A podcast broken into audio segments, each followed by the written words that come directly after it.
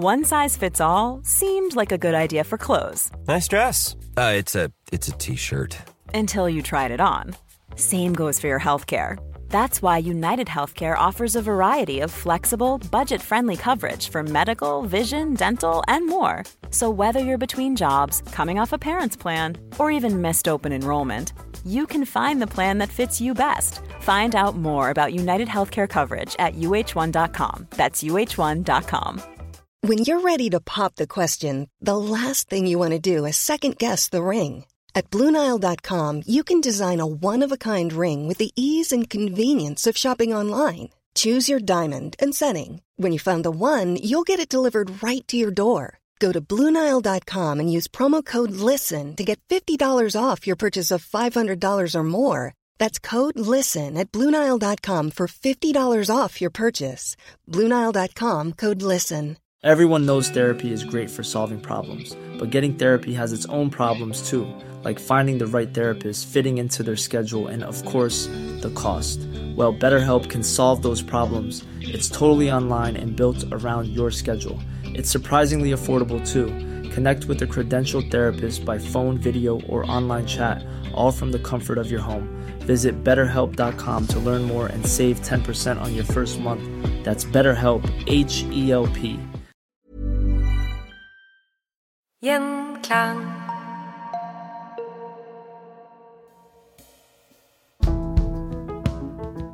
I tre måneder vinteren 1939 og 1940 sto lille Finland opp mot den store og mektige Sovjetunionen. Dette var David mot Goliat. Hvordan fikk de det til? Med oss for å snakke om vinterkrigen har vi besøk av journalist og forfatter Morten Jentoft, som bl.a. har skrevet bøker om Finland og Russland. Annet boken Finland 1918, om den finske borgerkrigen, som jeg håper at eh, vi får en anledning til å snakke om en annen gang. Men for temaet i dag er vinterkrigen, og du kan jo blant annet finsk og russisk, så i dag så må du kanskje hjelpe meg litt med uttale av steder og, og mennesker. Vi befinner oss i 1939. Året andre verdenskrig starter. Sovjetunionen er foreløpig ikke involvert, og Stalin snur seg mot Finland og krever noe av dem. Han eh, gjør det. Eh, Utgangspunktet for eh, kravene fra eh, Josef Stalin, den eh, sovjetiske diktatoren, eh, og Sovjetunionen, som jo Russland var en del av den gangen, var denne Ribbentrop-Molotov-pakten som ble inngått i august, altså 23. august 1939, og som jo på en måte var utgangspunktet egentlig for hele annen verdenskrig.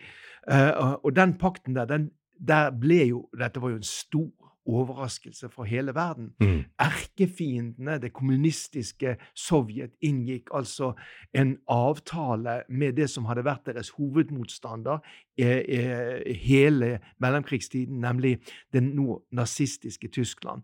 Men, eh, og da Før dette så hadde jo Sovjetunionen prøvd å forhandle med vestmaktene, England, Frankrike også, da, om eh, allianser. Eh, skyene det seilte jo opp til konflikt i Europa.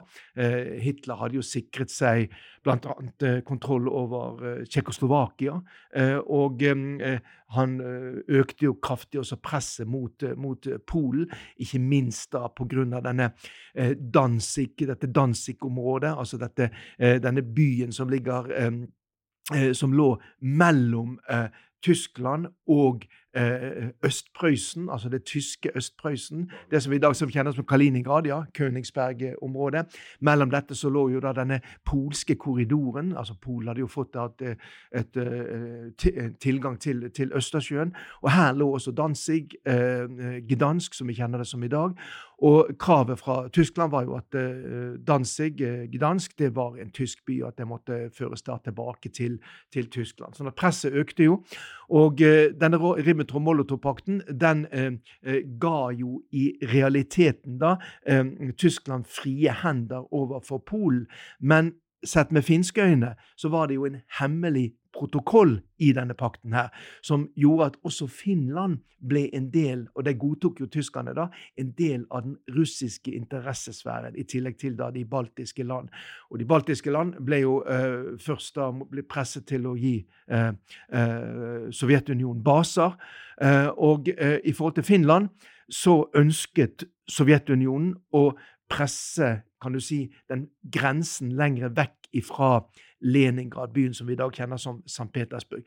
Sett ut ifra et strategisk eh, bilde, altså kynisk bilde, så lå jo eh, grensen den gangen bare 30 km utenfor eh, Sovjetunionens nest største by, altså Leningrad. Så sett ut ifra militær strategiske eh, tankegang, så kan man jo forstå akkurat dette, dette kravet her.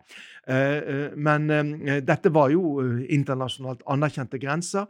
Men i tråd da med, og med denne pakten, da, Ribbentrop-Molotov-pakten, i, i, i, i, bakhånd, så krevde da altså Sovjetunionen forhandlinger med Finland om såkalte grensejusteringer. Man ønsket å skyve grensen lenger nord på det karelske nesset. Man ønsket å få kontroll over noen øyer som ligger ute i Finskebukten. Og um, uh, som en slags uh, motgave til Finland, så var man villig da, til å gi områder lenger nord i Karel da, til Finland. Dette var jo stort sett ubebodde skogsområder, men det var ganske store områder. Det var det faktisk. altså. Men um, disse forhandlingene da i i Moskva, som ble ledet av den uh, daværende finske diplomaten uh, Jo Kosti Pasikivi. Uh, de førte ikke frem. Finnene ville ikke gå med på de grensejusteringene som Russland krevde. I tillegg så krevde jo Russland også en base ved innløpet til til eh, Finskebukten, altså i, eh, ved byen Hangø. Og eh, disse kravene her var altså uakseptable for finnene. Og etter at disse forhandlingene ikke førte fram, så ga altså Stalin ordre til sine generaler om å forberede et militært angrep på Finland. Ja, for Den 26. november 1939 så blir en grensepost jeg skal prøve å uttale Mainila. Mainila, ja. Mainila. Dette, er jo, dette, dette, er jo, da selvfølgelig en, en, en legende også i hele, uh, hele, denne historien, altså skuddene ved Mainila, altså som, som, uh, som, man i dag er helt klar over var en sovjetisk provokasjon. altså Vi hører jo også falsk ordet, ordet ja, ja, falsk flagg, og dette er jo noe som vi hører nå hele tiden, også i forbindelse med konflikten mellom Ukraina og, og, og Russland. Uh, men her var det altså en falsk flaggoperasjon, der det altså ble skutt, mente man fra sovjetisk side, mot en sovjetisk grensepost fra finsk side eh, nede på karelske Nesa, altså ikke langt ifra det daværende Leningrad, St. Petersburg.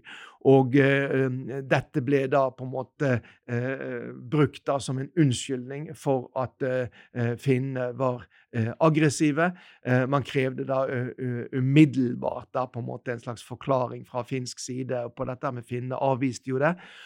Og da var det jo selvfølgelig klart for mange at nå var det kanskje bare dager før krigen brøt ut.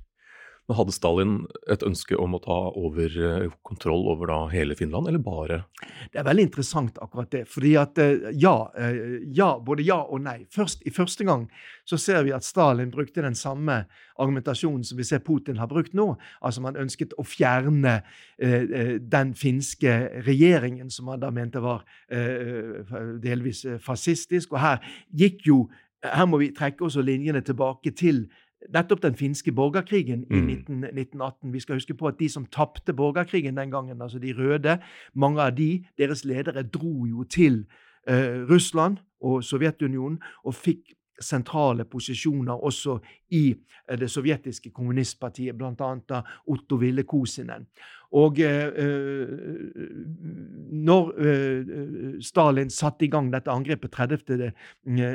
november 1939, så kom jo også meldingen bare en dag seinere om at man hadde opprettet en, en, ny finsk regjering som erstatning for den lovlig valgte regjeringen som satt i hovedstaden Helsingfors, ledet av nettopp Otto Ville Kosinen. Vi fikk altså den såkalte Kosinen-regjeringen, som fikk hovedsete i grensebyen Terijoki, som lå rett over grensen, en av de første byene som eh, de sovjetiske styrkene erobret.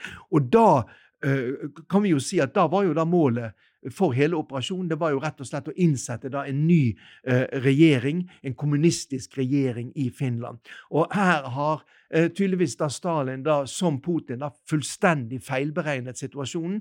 Han trodde da at denne regjeringen, med utgangspunkt i borgerkrigen i 1918, da var det jo et delt Finland. Uh, og han trodde kanskje at situasjonen fremdeles var sånn at uh, de ville bli ønsket velkommen av den ene halvparten av den finske befolkningen.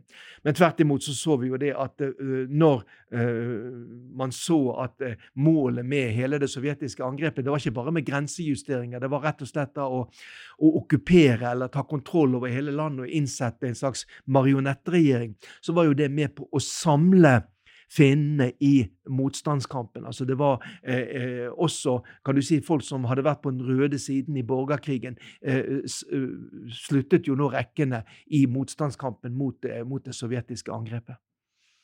Hvordan så den finske hæren ut i forhold til den sovjetiske? Ja, altså Finnene var jo klar over at de, de, kunne komme i en sånn situasjon som dette, så de var jo ikke uforberedt på et mulig sovjetisk angrep. Og eh, de hadde jo da et, eh, en relativt sterk, eh, sterk hær, en mobiliseringshær. og man hadde jo da bygd opp da visse forsvarslinjer, f.eks. For på det karelske neset, noe som ble ganske overdrevet fra sovjetisk side når man snakket om denne såkalte Mannerheim-linjen oppkalt etter eh, Carl Gustav Mannerheim, altså den finske øverstbefalhaveren. Eh, men det var en, en, en, relativt kan du si, beskjeden uh, forsvarslinje, dette her, men viktig nok da fra, fra, fra finsk side. Og, så man var jo ikke uforberedt da. Det, det skulle jo de sovjetiske styrkene få lov å, å se etter hvert. da. Og her var det jo helt tydelig at man fra på samme måte som, eh, som, Putin, så hadde Stalin en relativt antagelig svak eh, etterretningsinformasjon om den finske motstandsviljen her. Men finnene var jo totalt underlegen f.eks. når det gjaldt fly. Det var ikke det sovjetiske flyvåpenet så veldig sterkt heller, men de jo, eh, det var jo langt mer utbygd enn det finske. Og man var også kan du si, underlegen når det gjaldt f.eks. stridsvogner. Men derimot, når det gjaldt mannskaper, og ikke minst når det gjaldt kampvilje, og, og, og trening, så var eh, de finske soldatene da eh, egentlig på høyde med og egentlig overlegen de mange av disse sovjetiske avdelingene som ble sendt opp til Finland for å slåss en krig som de overhodet ikke var forberedt på. Ja. Og I tillegg så hadde jo Stalin gjennomført eh, en utrenskning tidligere. Hadde det, altså det vil si utrensning av offiserer i Den røde armé. Hadde det noe å si? Ja, ikke bare en utrensning. Han hadde jo vært og skutt av store deler av uh, offiserskorpset altså i, i, i, i den, den, røde armé. Og det har nok hatt mye å si. Det skulle jo også ha mye å si da ved starten av når krigen brøt ut for fullt i 1941 også, selv om man hadde da klart å utdanne et, et, et nytt offiserskorps. Det har nok hatt hatt en god del å si. At, eh, at uh, veldig, veldig mange av de eh, offiserene som hadde erfaring bl.a. fra eh, revolusjonen, altså i 1917, 1918 og den etterfølgende borgerkrigen, de var jo rett og slett altså, skutta i forbindelse med den store terroren i 1937 og 1938. Men dette her var jo på vinteren. Var da kulden en fiende for, for dem begge? Selvfølgelig var det jo det, altså. Det, det var det jo. Men, men finnene visste jo Det var jo på deres land de sloss. De visste jo hva slags værforhold det var. Og eh, de, eh, selv om de, de også hadde mangel på, på, på, utrustning, så var de jo forberedt på å slåss en vinterkrig.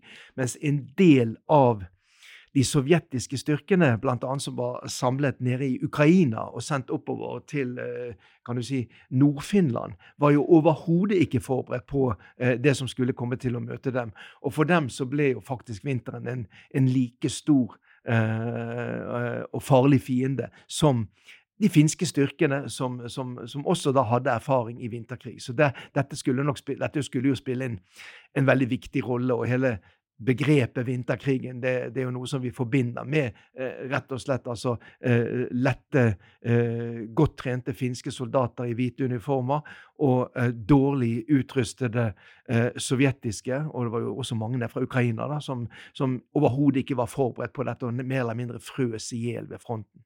Vi ser jo eh, de bildene av fin, de finske soldatene på ski. Ja. Du ser dem så vidt fordi de er kledd i hvitt. Mm. Ja. ja. det er klart det er mye myter rundt disse her, og det var, det var jo mange finner som sikkert også frøs i hjel ved denne ja. fronten. Men dette dette er, likevel et bilde på, på, uh, på denne krigen her, og, uh, og uh, for den sovjetiske hæren, eh, så var jo dette en, en, enorm katastrofe. Men også selvfølgelig en, en lærepenge. Og det Stalin samlet jo sine offiserer etterpå da, for å gå grundig gjennom de feilene som ble gjort i vinterkrigen. Ja, Jeg leste et sted at, og det er, det er, jo absolutt ikke sikkert det er eh, sant, men det er det mest finske jeg har hørt, og at uh, de finske troppene greide seg så overraskende bra også fordi de hadde med seg portable saunaer. Så da kunne de holde varmen og holde sykdom ute. Jeg vet ikke om det, hvor sant det er, men det høres altfor bra ut. Noe annet som vi også kjenner fra den eh, finske, eller ja, vinterkrigen, det er jo da Molotov-cocktails. Mm. Hva var det for noe? Ja, Det er jo en veldig også en, en, en, interessant eh, historie. Det er ikke så mange som kjenner til, eh, til den historien.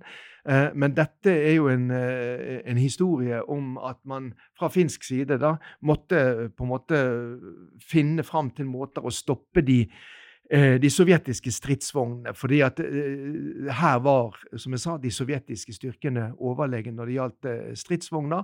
Og det var jo da man rett og slett altså utviklet da en metode gjennom å fylle brennbart materiale, bensin, da, på flasker.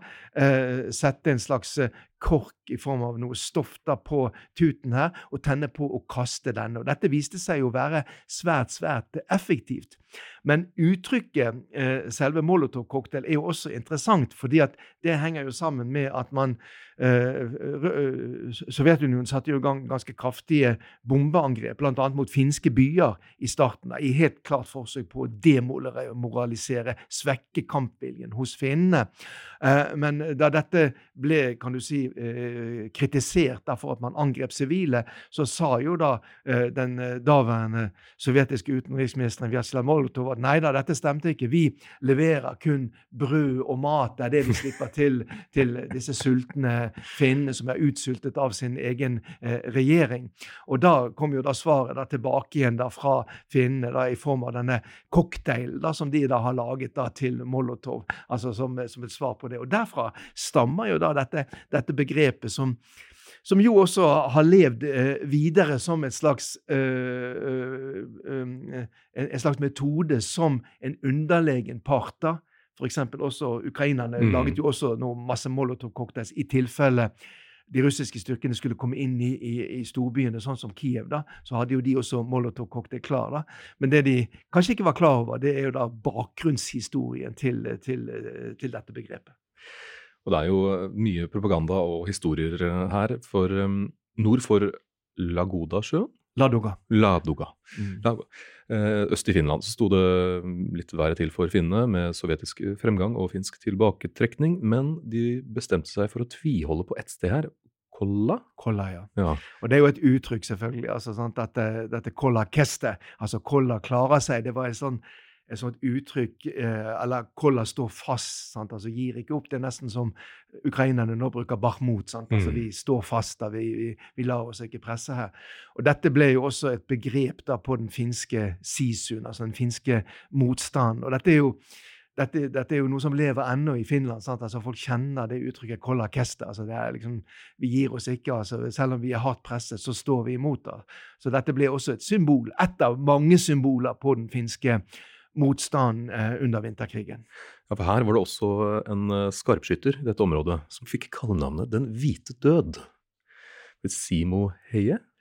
Ja, øh, han er jo en av Eller han blir jo den største helten, da. sant? Altså denne eksempelet på den finske motstandsviljen. sant? Altså en, en, en eh, jeg vet ikke, altså Kanskje ikke særlig snakkesalig da, eh, finsk eh, bondesoldater, som, men som hadde en egenskap at han traff de målene som han siktet på. Og han ble jo da løftet fram da, som en, en av heltene da, i forbindelse med den, med den finske borgerkrigen. Alle, alle, nasjoner i en sånn krig trenger jo helter. Han ble jo da en av, en av dem. There's never been a faster or easier way to start your weight loss journey than with PlushCare. PlushCare accepts most insurance plans and gives you online access to board-certified physicians who can prescribe FDA-approved weight loss medications like Wigovi and Zepbound for those who qualify. Take charge of your health and speak with a board-certified physician about a weight loss plan that's right for you. Get started today at plushcare.com slash weight loss. That's plushcare.com slash weight loss. plushcare.com slash weight loss. Burrow is a furniture company known for timeless design and thoughtful construction and free shipping, and that extends to their outdoor collection. Their outdoor furniture is built to withstand the elements, featuring rust-proof stainless steel hardware, weather-ready teak, and quick-dry foam cushions. For Memorial Day, get 15% off your Burrow purchase at burrow.com slash ACAST and up to 25% off outdoor. That's up to 25% off outdoor furniture at burrow.com slash ACAST. Hey there, it's Michelle Norris. I'm host of a podcast called Your Mama's Kitchen. When I travel, I'm usually looking for a way to find a taste of home when I'm not at home. And one of the things I love to do when I am at home is entertain. And Airbnb allows me to do that. When I was in California recently, I rented a house that had a great kitchen. And when we were sitting around the table, we're all thinking, we're in someone else's house. Someone could be in all of our homes as well. If you have a home, but you're not always at home, you have an Airbnb. Your home might be worth more than you think. Find out how much at airbnb.com/slash host.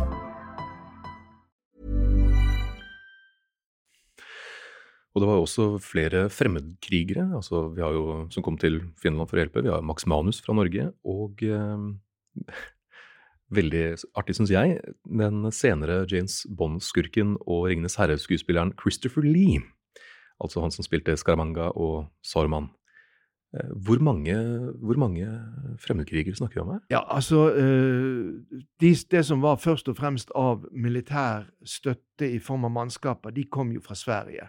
Eh, svenskene eh, mobiliserte Der var det jo en voldsom sympati. Det var I mange land det var en voldsom sympati for Finland, inkludert i Norge. Så det kom ca. 10 000 eh, svenske frivillige da, til, til, Finland. Ca. 700, inklusiv Max Manus, da, norske. de kom jo relativt seint da til Finland og ble sendt nordover og fikk vel egentlig ikke noe stor betydning for utfallet av, av, av krigen.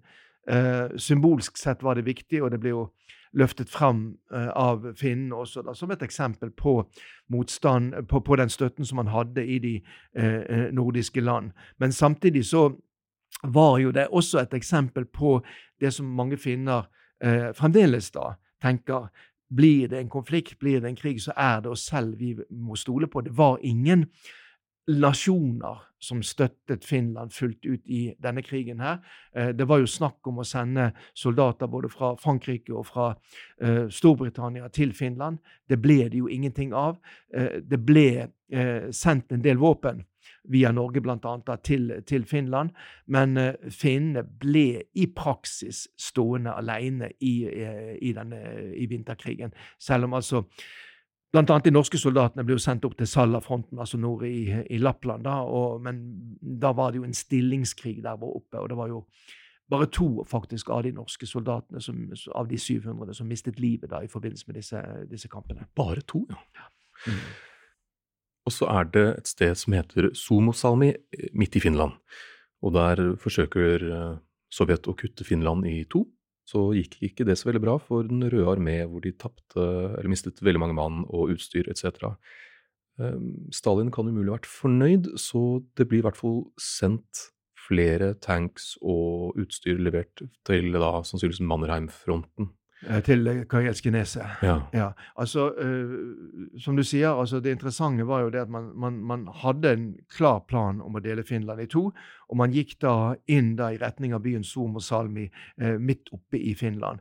Og her i det området der så gikk jo den um, Og der var jo disse ukrainske uh, soldatene som ble sendt innover langs denne såkalte ratevegen. Jeg har selv vært langs den veien der eh, i forbindelse med et TV-program som jeg laget en gang. og Da var jeg sammen med en lokal bonde som fremdeles kunne vise meg da disse eh, enorme massegravene, altså hvor disse eh, soldatene var puttet i. Og her ble jo da eh, Her så vi jo lignende bilder som det vi så eh, i Ukraina i, i, 2022. Altså en enorm kolonne på mange kilometer lang som bare ble stående fast, og som selvfølgelig var et lett bytte da for disse finske soldatene som kunne omringe dem via skogen. Og etter hvert så ble de jo enten drept, tatt til fange, og noen av dem, mange av dem, frøs jo rett og slett i hjel. Og hele disse bildene av de enorme kolonnene som sto igjen her, ble jo da et symbol på, på denne finske motstanden. Og kanskje mange rundt omkring i verden tenkte at dette, finnene har jo vunnet denne krigen. Så enkelt var det jo ikke. Eh, og som du sa, eh, Stalin skjønte at eh, det nytter ikke disse her nålestikkangrepene nordover i Finland. Der har vi ikke kjangs. Vi må sette inn hovedangrepet i sør, på det karelske neset, der forsyningslinjene våre er kortere. Og det var jo det som skjedde da. Og i i februar 1940 så satte Og da hadde jo de sovjetiske styrkene lært en del taktikk. Og de satte i gang da et voldsomt angrep med overlegne styrker på det karelske neset. Denne såkalte Mannerheim-linjen den eh, holdt ikke. Og etter hvert så presset jo da uh, disse sovjetiske styrkene finnene nordover på det karelske neset, forbi da uh, det som en gang var Finlands nest største by, Viborg. Og um, da skjønte jo finnene at, at uh, nå kan slaget være tapt, men de hadde fremdeles var det ikke noe totalt sammenbrudd. Det var ikke det, men eh, man uh, forsto kanskje at, at, at uh, nå var tiden inne til å, å, å forhandle. Og uh, da ble det jo da satt i gang forhandlinger, og det ble jo en bitter fred, men det ble en fred der finnene bevarte sin, sin selvstendighet. Følte finnene seg sveket av fra Vest-Europa? I oktober 1939 så var det jo et møte på Stockholms slott der hvor alle de nordiske lederne, eh, kongene pluss den eh, finske presidenten Kusti Kallio, møttes. Så mange tenkte at nå er det Norden som skal stå sammen i en vanskelig verden. Da hadde jo annen verdenskrig allerede brutt ut, altså med det tyske angrepet på Polen. Eh, og det var nok mange i Finland som følte at ikke minst Sverige da svek dem. Eh, at det ble for mye prat, og eh, at eh, man ikke kom dem da til, til unnsetning i, i, forbindelse med, denne, med det sovjetiske angrepet. Og selvfølgelig så var man jo også mm, skuffet over Tyskland, som jo man hadde satset veldig mye på uh, i mellomkrigstiden, men som da hadde da inngått denne pakten med Stalin. Altså Hitler hadde jo inngått denne pakten med Stalin, som uh, i praksis da ga Eh, eh, Sovjetunionen frie hender også overfor eh, for Finland. Og, og, tyskerne fulgte jo det, det og, og, støttet ikke Finland aktivt. selv om under hånden så var det jo mange som visste at denne pakten var en, en midlertidig avtale. Det var en slags utsettelse på det oppgjøret som, som måtte komme da mellom de gamle erkefiendene, nazistene og kommunistene. Så skulle jo da eh, Tyskland komme tilbake eh, og Eh, hjelpe Finland eh, under eh, The Continuation War. Ja, fortsettelseskrigen. Ja. ja mm. en, en, viktig ting som kom ut av denne krigen, kanskje, var synet på den sovjetiske hæren, at de kunne bli slått. Mm. Hadde det noe da å si for, for det som skulle bli tysk overmot? Hubris, eller? Ja, eh, det er ingen tvil om det at eh, den eh, røde armé, Sovjetarmeen, fikk seg jo virkelig nesestyver og et dårlig rykte pga. det som skjedde under, under vinterkrigen, og, og, var utvilsomt med i beregningen da da tyskerne da utover høsten 1940 da satte i gang planleggingen av Operasjon Barbarossa, altså det store angrepet på Sovjetunionen. Man mente at uh, hvis uh, Den røde armé har samme kampmoral, uh, samme taktikk som de hadde under vinterkrigen, så vil det bli et, et lett bytte da for um, for krigsvante og godt, godt trente tyske styrker. Sånn at det, det spilte nok utvilsomt en viktig rolle. Men da hadde de ikke tatt med i beregningen at uh, Stalin, som sagt, altså etter uh, vinterkrigen uh, samlet da sine offiserer til et, en grundig gjennomgang av hva var det som gikk galt her, hva var det som sviktet, og hva kan vi gjøre på nytt igjen. Og Etter dette så ble jo også en del av de offiserene som uh, hadde overlevd terroren, men satt i fangeleir, tatt ut av fangeleir. Og man begynte på en måte å bygge opp igjen uh, Den røde armé også med uh, tidligere såkalte folkefiender. Sant? Sånn at eh, Det er ingen tvil om at også i Sovjetunionen så var erfaringene fra vinterkrigene krigen viktig når de forberedte seg da på det som nok de forsto ville kunne komme, men som antageligvis kom tidligere enn i alle fall Stalin hadde trodd, allerede i juni 1941. Er det noen uh, Dumt spørsmål, men er det noen uh, sammenligninger med det som skjer nå i Ukraina og Finland? Ja, Det har jo vært veldig mye av det, i, ikke minst i finsk presse, som vi jo følger veldig tett, altså hvor man ser helt klare paralleller her. Altså Det er det ingen tvil om. Den dårlige uh, etterretningen, betydningen også av moral. Mm. Eh, at, at man klarer å stå sammen til tross for at man er uenig i mange ting. Og det ser vi jo også i Ukraina. Det er jo sterke motsetninger i Ukraina. Men jeg opplever jo selv jeg har jo fulgt den konflikten veldig tett. Eh, at eh, Om man er russisktalende eller ukrainsktalende eller forskjellig synspunkt på politikk, da, så står man sammen mot denne brutale aggresjonen fra, fra Russland og president Vladimir Putin. Så får man heller, på en måte, når man har slått tilbake, da den, ta de diskusjonene som, som, som, skal skje i et demokratisk land. Og Det samme så vi jo i, i Finland. Sant? Altså at, at store deler i alle fall av befolkningen sto samlet under vinterkrigen. Og, og mot, selv om man da uh, var uenig, i at Finland hadde et, var et veldig splittet land pga. borgerkrigen i 1918, så sto man likevel sammen for å stoppe forsøket på å utslette nasjonen. Og, og det, det, er jo, det, er jo, det, er jo, interessant. Og de parallellene der. Og I tillegg til det selvfølgelig så har vi sånne ting som, som Molotov-cocktails og alt dette her. Sånn at eh, I Finland har man jo fulgt eh, det som skjer i Ukraina, veldig veldig tett og på en helt annen måte enn det som vi gjør her i Norge. Det blir mye nærmere for dem, ja. fordi at de ser både de historiske parallellene, i tillegg til at de også har for å si det sånn, Russland tettere på kroppen enn det vi har. Og det er det, for eh, de har jo da, etter å ha vært eh, først under russisk styre, og så ble de selvstendige, og så ble de invadert, og så holdt de en, eh, en, politikk som var ganske nærme Russland etter krigen, og nå er de med i Nato. Mm, ja, nå er de med i Nato fra 4. april 2023. Men hva, hvordan har denne reisen vært? Altså, de har jo vært vant til å stå alene? De har vært vant til å stå alene, og, eh, og egentlig ganske Veldig mange finner har jo vært egentlig ganske fornøyd med den posisjonen som de har hatt, at OK, vi vet at vi må stå alene. Vi må håndtere forholdet til Russland selv, og det har vi klart egentlig ganske bra. Det har vært eh, nyttig for oss også. Vi har hatt en ganske stor og omfattende handel, eh, økonomisk samarbeid med Russland, som har vært til fordel både for finner og russere. Men øh, og, og, og, opp gjennom den kalde krigen så var jo situasjonen i Østersjøområdet ganske, ganske spent, ganske dramatisk. Det, det, det, og så seint på 1980-tallet så var det jo rett og slett krigsfrykt, altså både i Sverige og Finland.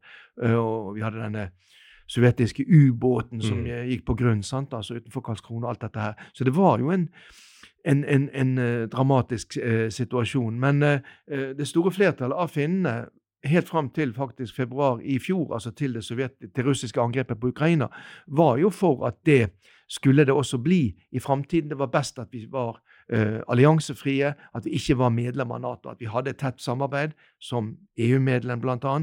Eh, men det var jo bare mellom 20 og 30% som faktisk støttet et, et Nato-medlemskap så seint som fram til det russiske angrepet på Ukraina. Men uh, Det snudde seg. Det snudde seg.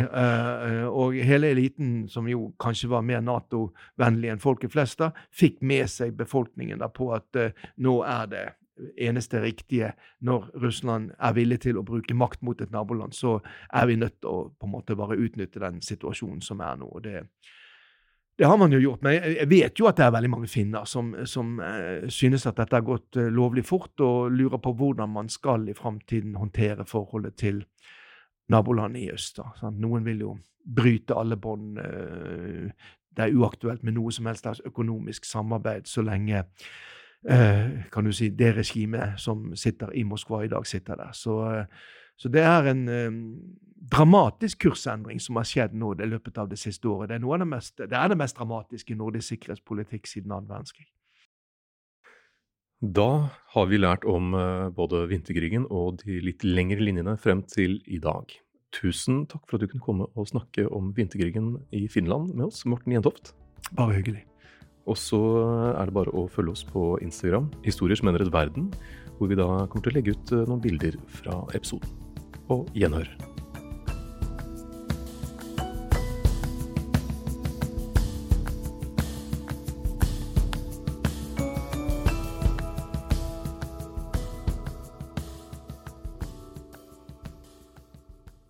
Gjenklang.